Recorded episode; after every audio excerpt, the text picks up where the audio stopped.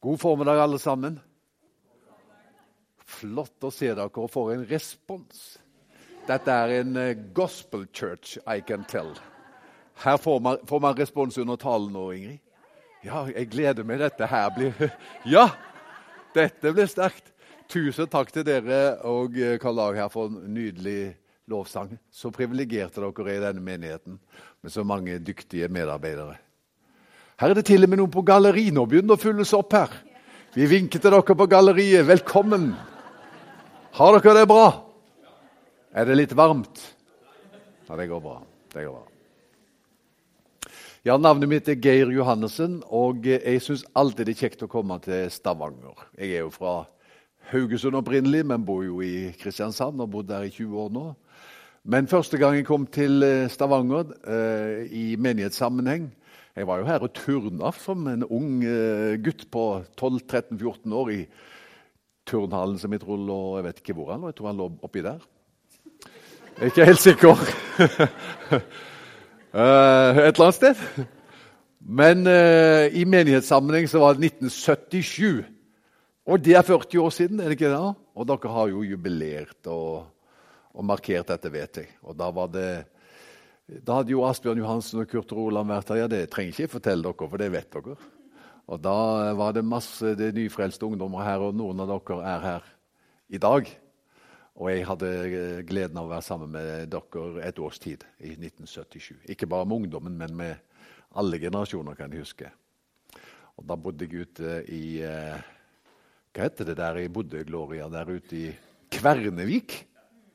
Kvernevik. Jeg bodde hos Gloria og Harald Løklingholm.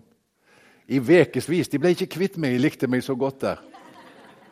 Men fikk jeg meg hybel etter hvert ute på Hinna hos noen som heter Gilje. Ja, nå kunne jeg begynt, altså, men det er ikke det jeg skal gjøre. Nå skal vi fokusere. Um, saken er den at uh, overskriften over det jeg skal si, det er 'barn av en sjenerøs Gud'. Og eh, Teksten har vi fått lest av Unni her.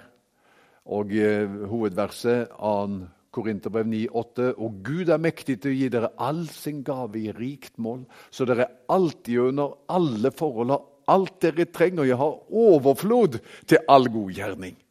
For et vers. Du har sikkert hørt eh, om eh, predikanten Jeg kom ikke på en bedre historie innledningsvis, men du har sikkert hørt om han som hadde møter et sted, et bedehus et eller annet sted. Uh, og eh, så hadde jeg faktisk, Iallfall fant de ikke kollektbøssene, så han sendte noe rundt hatten sin. Har du hørt den historien?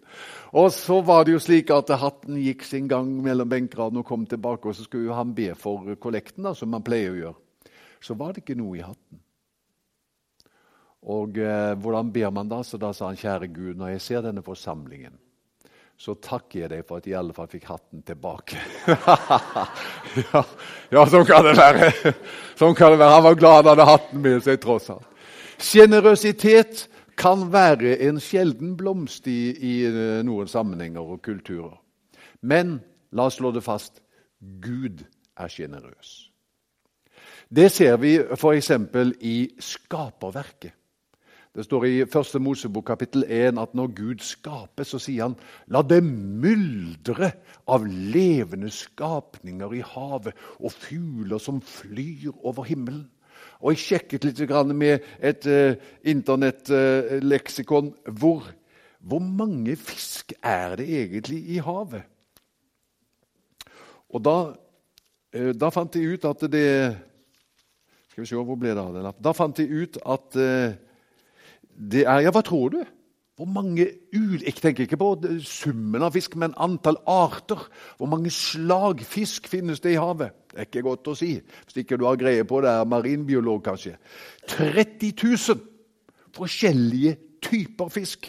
Og i norske farvann, da, i, langs kysten og i fjellvannene, hvor mange til sammen? 332. Jeg mener, jeg hadde levd godt med det hvis det var bare et par hundre. Er du enig? Det hadde ikke gjort den store forskjellen for meg, men det forteller noe om Guds sjenerøsitet når han skaper 332 ulike fiskeslag i Norge. Hva med fugl, da? Ja, i, eh, Totalt sett i hele verden så finnes det 10 000 forskjellige slag fugler. Og i Norge er det noen hobbyornitologer her? Ingen.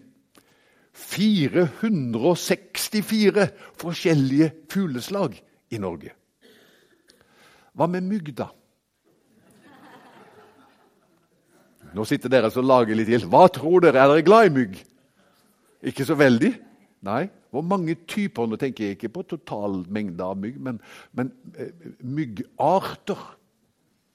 Jeg tenker jo kanskje at mygg er mygg, ja, vi har jo malaria i tillegg, men mygg og mygg er forskjellige ting. Hva tror du, som sitter i midten? Hvor mange Ja, i hele verden. 500? Ja, du er iallfall Femtallet var rett. Så hvis du legger på et par nuller 50 000! Så det er, vil jeg si, er veldig sjenerøst. Vepstad. Ingrid, hva tror du hvor mange i Norge? Hvor mange vepsearter har vi i Norge? Er du glad i veps? Nei? Da har vi noe felles. Ti! Skal jeg høre mer Karl Dag. Hva tror du, Karl Dag? Han tok sterkt i. Det var for lite. I Norge finnes det 4308 observerte arter veps, men de er observerte. I tillegg regner man med at det er 3800 arter til som man enda ikke har oppdaget. Det er kolossalt. Det forteller noe om når Gud skaper, så er det en sjenerøsitet og et storsinn og en raushet og en rundhåndethet når han handler. Hmm. Fantastisk. Vi har sjenerøs Gud. Vi ser det samme i Jesu eget liv. Det første under som Jesus gjorde, det var at han gjorde vann til vin i bryllupet i Kana. Og Da vet vi jo at jærbonden sa ja, vi vet om det, men vi liker det ikke. sa han, men det er greit. Men Jesus gjorde vann til vin, og saken var den at eh, han fylte da noen kar. Det var seks vannkar som sto der. Eh, eh, så fylte, ba han dem fylle dem til randen, og hver av dem tok to eller tre anker. Og så er En anker er 36 liter, så jeg regnet ut hvis det halvparten var to anker og andre halvparten tre anker. Så har jeg funnet ut hvor mye vann var det. Ja, det er 540 liter med vann som blir til vin. Det er mye vin. 540 liter! De hadde nok både til sølvbryllupet og gullbryllupet. Og det, det, var det første underet Jesus gjorde. Og det forteller altså det setter tonen for hva han siden skal gjøre. Og denne sjenerøse Gud er vår far. Vi er hans barn. Og dette merker vi i frelsen, og vi merker det i hans omsorg for oss i vårt daglige liv. Frelsen først. Gud er så rik på nåde. Salme 103 og vers 11 og 12, der står det Så høy som himmelen er over jorden, så veldig er hans miskunn over dem som frykter ham. Hvor høy er da himmelen over jorden? Ja, det er uendelig, det. Og så står det Så langt som øst er fra vest, tar han våre misgjerninger bort fra oss. Hvor langt er det, da? Ja, Hvis det nå enda sto 'så langt som nord er fra sør', så kunne vi jo regne det ut, kanskje. Men, fordi det er jo en nordpol og en sydpol, mener jeg. Men hvor har vi Østpolen? Og hvor har vi Vestpolen? Ja, Noen mener at Vestpolen ligger ut med Ekofisk, men det, er, det, det gjør ikke det. Det fins ikke en Østpol og ikke en Vestpol. Så langt som øst er fra vest, tar han våre synder bort fra oss. Han er så rik på nåde. En uh, person som ringte til meg midt på natten en gang. Og Jeg hørte på stemmen hennes at hun var så fortvilet. Og så sier hun til meg som er pastor, da 'Jeg har syndet'. Ja. Og så sier hun videre 'Min synd' jeg, jeg prøvde liksom å trøste henne, men kom liksom ikke i mål på et vis. Og så sier hun 'Du skjønner det, min synd er så stor'. Da ga hun meg en lissepasning. For jeg hadde akkurat lest Romerbrevet kapittel 5. Og der står det noe om eh, hvordan det er der synden er stor. Så sa jeg til henne, for jeg visste at hun kunne noe litt i Bibelen, så sa jeg til henne Men har du glemt hva det står i Romerbrevet om hvordan, hvordan det er der synden er stor. Og da, da husket hun det. Og så roper hun ut Det var i den tiden man hadde telefonrør. vet du. Så, så roper hun ut så må liksom Så roper hun ut Der er nåden enda større. Og så gråter hun. Hvor synden er stor, er nåden enda større. Finnes det ikke en grense for nåden? David fant aldri den grensen. Moses fant aldri den grensen. Så jeg tenker, hvis jeg taler til noen i formiddag som er fortvilet fordi livet har gått ikke sånn som du håpet Det var noe som har gått galt.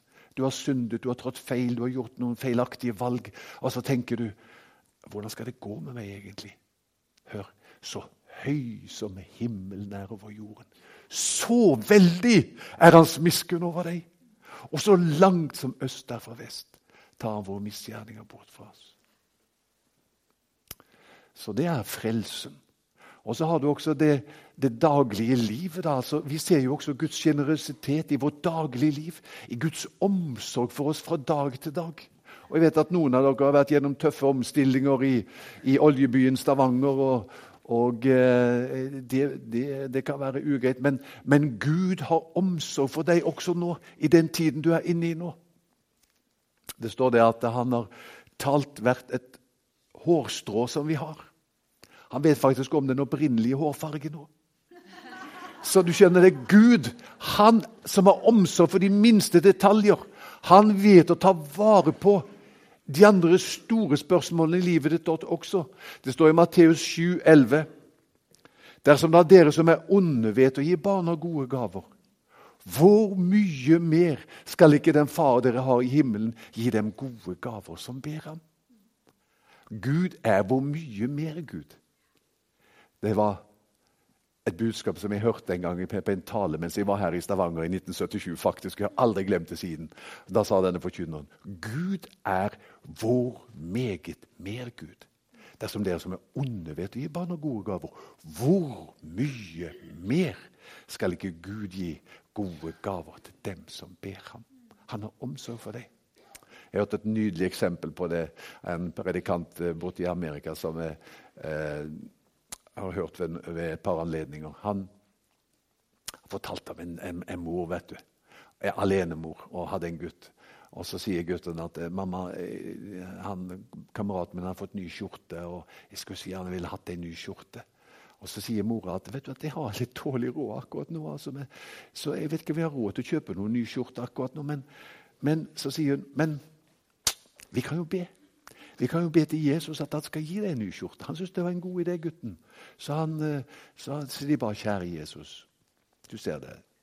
Det hadde vært fantastisk å få en ny skjorte. Så han ba. Og hun. Så vet jeg ikke, men det går kanskje et par dager, eller jeg eh, vet ikke, det gikk noen tid. Og så er det en kar da i menigheten der hun gikk, som,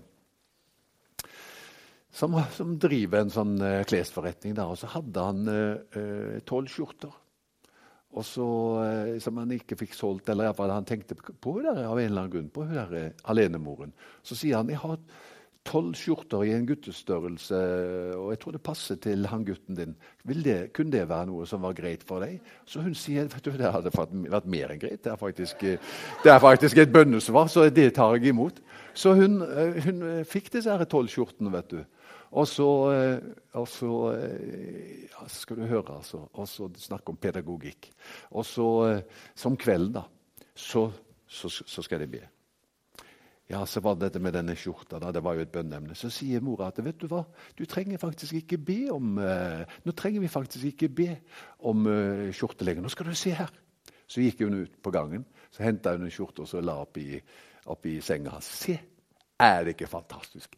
Her har du en skjorte. Og han smiler og sier det. Dette er stort. Gud er god. Men så sier hun, men du, det er mer, skjønner du. Så går hun ut på gangen, kommer inn med en skjorte til og legger på fanget hans. Mamma, to skjorter? Dette er jo bare julaften og 17. mai på en gang. Det sa han ikke, for dette var i Amerika. Men, eh, men, eh, og der feirer de antagelig ikke 17. mai, men skjønner du? Og så går hun ut igjen. Så kommer vi en skjorte til. Tre skjorter. Er det mulig? Tre skjorter? Og så går hun ut en gang til, og så skjønner du resten av tegningen. Fire skjorter. Fem. Seks. Tolv ganger går hun inn og ut. Og når gutten ser stabelen av tolv skjorter som ligger på dyna hans, da bare skjønner han. Det finnes en Gud i himmelen som ser til en gutt som ønsker seg en ny skjorte. Og den Gud er sjenerøs. Ikke sant? Er det fint? Skal du ta imot det? Kan du trenge det i din livssituasjon, der du er akkurat nå? Han har omsorg for deg. Og så er det dette at dette kapittelet her, da, 2. Eh, Korinterbrev 9, det er jo egentlig et giverkapittel. Og så, og så, eh, så, tenker jeg at eh, det, handler mye om Guds generøsitet. Og så handler det også om at vi ikke bare er lagerplasser for Guds generøsitet, men transitthaller. Ikke bare endestasjoner, men mellomstasjoner. Ikke bare kar, men kanaler. Og så leste du så fint Unni, det står at Paulus snakker jo om at de kan selv være sjenerøse. Og så skal takken stige opp til Gud. Det står at en overflod av takk skal stige opp til Gud rundt omkring, hvor de får del i denne sjenerøsiteten. Og så tenker jeg Hvis du lengter etter at når det er kveld så er det noen som skal takke Gud for at du er til. Hadde ikke det vært nydelig? Når det er kveld nå, så er det noen som takker Gud for at du er til. Takken stiger opp til Gud fra noen i Stavanger fordi de på en eller annen måte hadde en kontakt med deg. Og det kan bli egentlig en overflod av takk som stiger opp til Gud. Hvordan kan det skje? Og da tenker jeg Det viktigste vi kan gjøre, det er eh, som barn av en sjenerøs Gud å formidle denne sjenerøsiteten videre til andre. Så jeg har lyst til å si det til deg. Ut ifra 2. Korinter 9 så står det eh, Gjør godt. Vær en raus giver. Punkt to. Og så har jeg lyst til å koble på, selv om det ikke står akkurat det uttrykt i teksten der, men det står veldig mange andre steder i Bibelen vær sjenerøs. Vær en giv, vær en som gjør gode gjerninger. Vær en som eh, gir sjenerøst, og være en som, eh, som er gjestfri. Sånn kan sjenerøsitet uttrykkes. Og da skal takken stige opp til Gud fra så mange. Først gjør godt. Tenk det om. Hvorfor er vi her egentlig på jorden? Er en som jeg har veldig sans for, som heter Jim Elliot. Han sier det slik. Ja, hvorfor er vi her egentlig? om det ikke er for å gjøre livet litt mindre vanskelig for andre. Ja, antagelig sier man ikke alt med den setningen der, men det forteller noe viktig. Hvorfor er vi her? For å gjøre livet litt mindre vanskelig for andre. Hvordan kan vi gjøre det? Se etter anledninger etter å gjøre godt. Det er et språk alle forstår. Når du står opp til en ny dag, så spør deg selv, som barn av en sjenerøs Gud, hvem kan jeg gjøre livet lettere for i dag?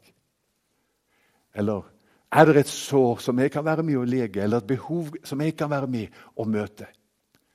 Vær en som ser etter anledninger til å gjøre godt, og gjør det på en rundhåndet og sjenerøs måte. Da vil mennesker gjennom livet ditt også kunne få et glimt eh, av Gud. Så det er det ene. Og det andre gi sjenerøst. Gjør godt. Og det andre gi sjenerøst. La meg ta deg med på et lite regnestykke i Guds matematikk. Hvis vi, hvis vi f.eks. har ti, og så minus null, hva blir det? Ti minus null, det er, det er jo ti. Og så har du ti minus én. Hva er det? Det er jo ni. Så hva liker du best? Å ha ti eller ni? Ja, Hvis du liker ti bedre enn ni, så gir du ikke bort 10% Men la meg ta dette regnestykket. 10 minus 1 pluss Gud er lik Hva blir det? 10 minus 1 pluss Gud det er lik 9 pluss Guds velsignelse. Og da er vi inne på noe interessant. skjønner du. Det er Guds matematikk. Hva er mest? Ti eller ni pluss Guds velsignelse? Jeg tror jeg vet hva jeg stemmer for. Men du får tenke litt gjennom det selv for din egen del. Hva er best? Ti eller ni pluss Guds velsignelse? En kar, han sa til en prest som jeg kjenner Jeg greier ikke å knekke koden når det gjelder tro, sa han. Så sa presten noe som jeg nok ikke hadde kommet på å si. For han sa 'gå hjem og les Bergprekenen'. Jeg vet ikke Unni, om du hadde kommet på å si det hvis noen kom til det. 'Jeg klarer ikke å knekke koden.' 'Ja, gå hjem og les Bergprekenen', sa han. Vel, vel, nå skal du høre hva som skjedde. Han går hjem og begynner å lese Bergpreken. Denne mannen som ikke forstår dette med tro. Og så leser han at Jesus sier hvis noen ber deg om å gi eh, eller hvis noen ber deg om å gå én mil med han, så gå to. Og hvis noen ber deg om eh, kappa, så gi skjorta òg. Det var kanskje i min oversettelse, det der, men, men, det er det det handler om. Så han tenkte vel, vel, jeg får prøve på det. da. Så er det en dag at eh, sønnen kommer til ham og sier han, du pappa, eh, det er kommet en, eh, en film nå som jeg hadde hatt så veldig lyst til å sett. Kunne du gitt meg et par hundre kroner, så jeg kunne få gå på kino på fredag? Så sa faren, sønn, du skal få 400 kroner. Og han Oi, det var nye takter. Og så går det noe tid, og så sier sønnen igjen, 'Pappa, i vinterferien så skal eh, kameratene mine til Sveits de skal stå i noen alpinbakker der nede. Det er kolossalt altså, hva de alpinbakkene der er, er, er, annerledes og mye, mye kulere enn de som vi har på Jæren, kan du si. Og så, og så, eh, så, så sier pappa, kan jeg få en uke i Sveits? Og uten å tenke seg om sier faren, sønn, du skal få to. Så går det litt, og dette er et mønster. Og så sier gutten til faren en dag når de spiser middag, så sier han, 'Pappa, hva er det med deg?' I det siste så har du altså begynt å ligne sånn på Jesus. Er ikke det fint? I det siste har du begynt å ligne sånn på Jesus. Vær en raus giver. Ja, Men hvordan går det med oss til slutt, da? Har du hørt om John Bunyan? Jeg mener, Hvis vi gir, vi, går vi ikke tomme til slutt, da? Har du hørt om John Bunyan? Han laget et dikt som heter som så Det finnes en mann. De kaller ham rar. For jo mer han gir, jo mer han har. Er ikke det fint? Det er Guds matematikk. Vi ser det jo også. Er det noen av dere som er blodgivere? Er du blodgiver? Jeg er bekymret. Hvor mange liter blod har du gitt fra deg? Jeg er redd for han kan stupe når som helst. Han har gitt fra seg kolossale mengder med blod. Du kan ikke ha mye igjen. Hva sa du? Det tappes litt og litt, og så erstattes det. Gjør det ikke det? Så du gir, og så får du. Du er et levende eksempel på dette. her, du. Gud velsigne deg. Ok, det siste. Eh, gi gode gaver. Eh, eller gjør godt, mener jeg. Det andre vær en sjenerøs giver. Det tredje vær gjestfri. Det er jo en måte å uttrykke sjenerøsitet på som er egentlig så enkelt. Jesus var gjestfri. Jesus spiste stadig samme folk og var i selskaper. Og jeg tenker I en tid hvor det er veldig mange som er ensomme Hvis det er én måte som vi kan uttrykke sjenerøsitet på, og Kristi sinnelag på, så er det med å åpne hjemmet vårt. Vi spiser jo likevel tre ganger om dagen, kanskje fire til og med. Og om vi da inviterer noen inn til det måltidet sammen med oss, en fremmed, en nabo, kanskje noen som ikke har et så stort nettverk Vet du hva noen sier? Ved å spise sammen kan vi forandre verden. Altså Bare med kniv og gaffel kan vi utbre Guds rike. La sjenerøsiteten komme til uttrykk gjennom gjestfrihet. Avslutningsvis, da, nå går jeg inn for landing. Og så at de tre jentene på galleriet trakk et lettelsens sukk. Men, eh, men, eh, la meg gå inn for landing med, med um, og fortelle om en som uh, lærte denne leksjonen i forhold til dette.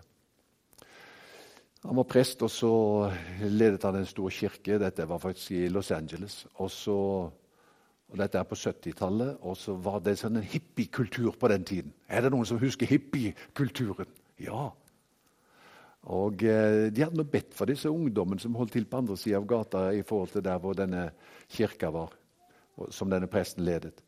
Men eh, noe, De hadde ikke sett så mye liksom, svar på bønn. Men, men så enda da. Men så under en gudstjeneste, i det innledningsordene leses og inngangsbønnen skal bes, så går kirkedøra opp, og så kommer det inn et sånt eksemplar av arten hippie.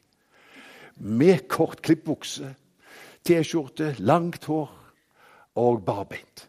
Kommer han opp midtgang, hele veien opp til alteret, og der setter han seg på gulvet med beina i kors. Og presten sa, 'Jeg ble helt forfjamset'. Hva gjør vi nå?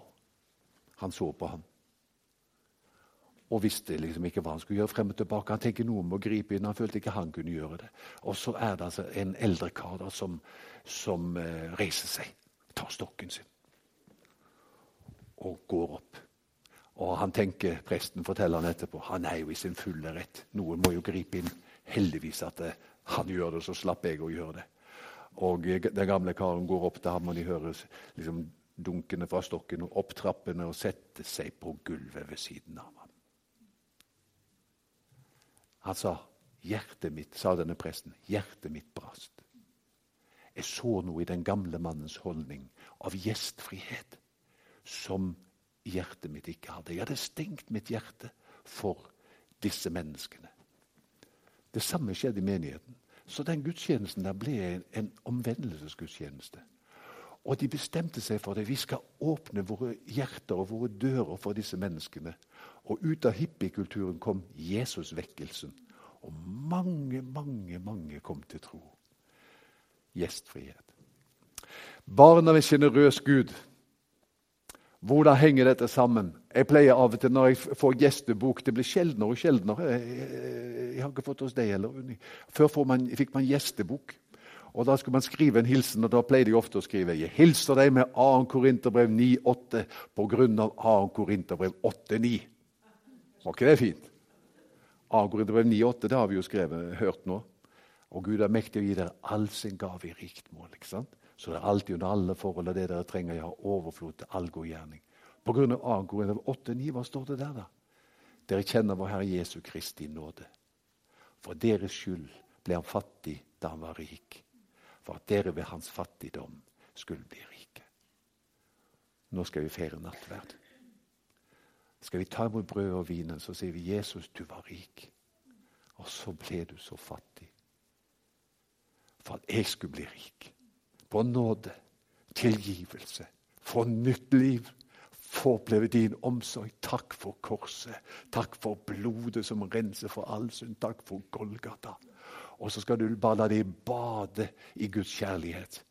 Og så tar du dette med deg ut i den hverdagen. La oss be. Herre, takk for din godhet. Takk at du er så sjenerøs. Takk at du deler ikke ut gode gaver, sånn som, sånn som eh, kanskje legen foreskriver medisiner.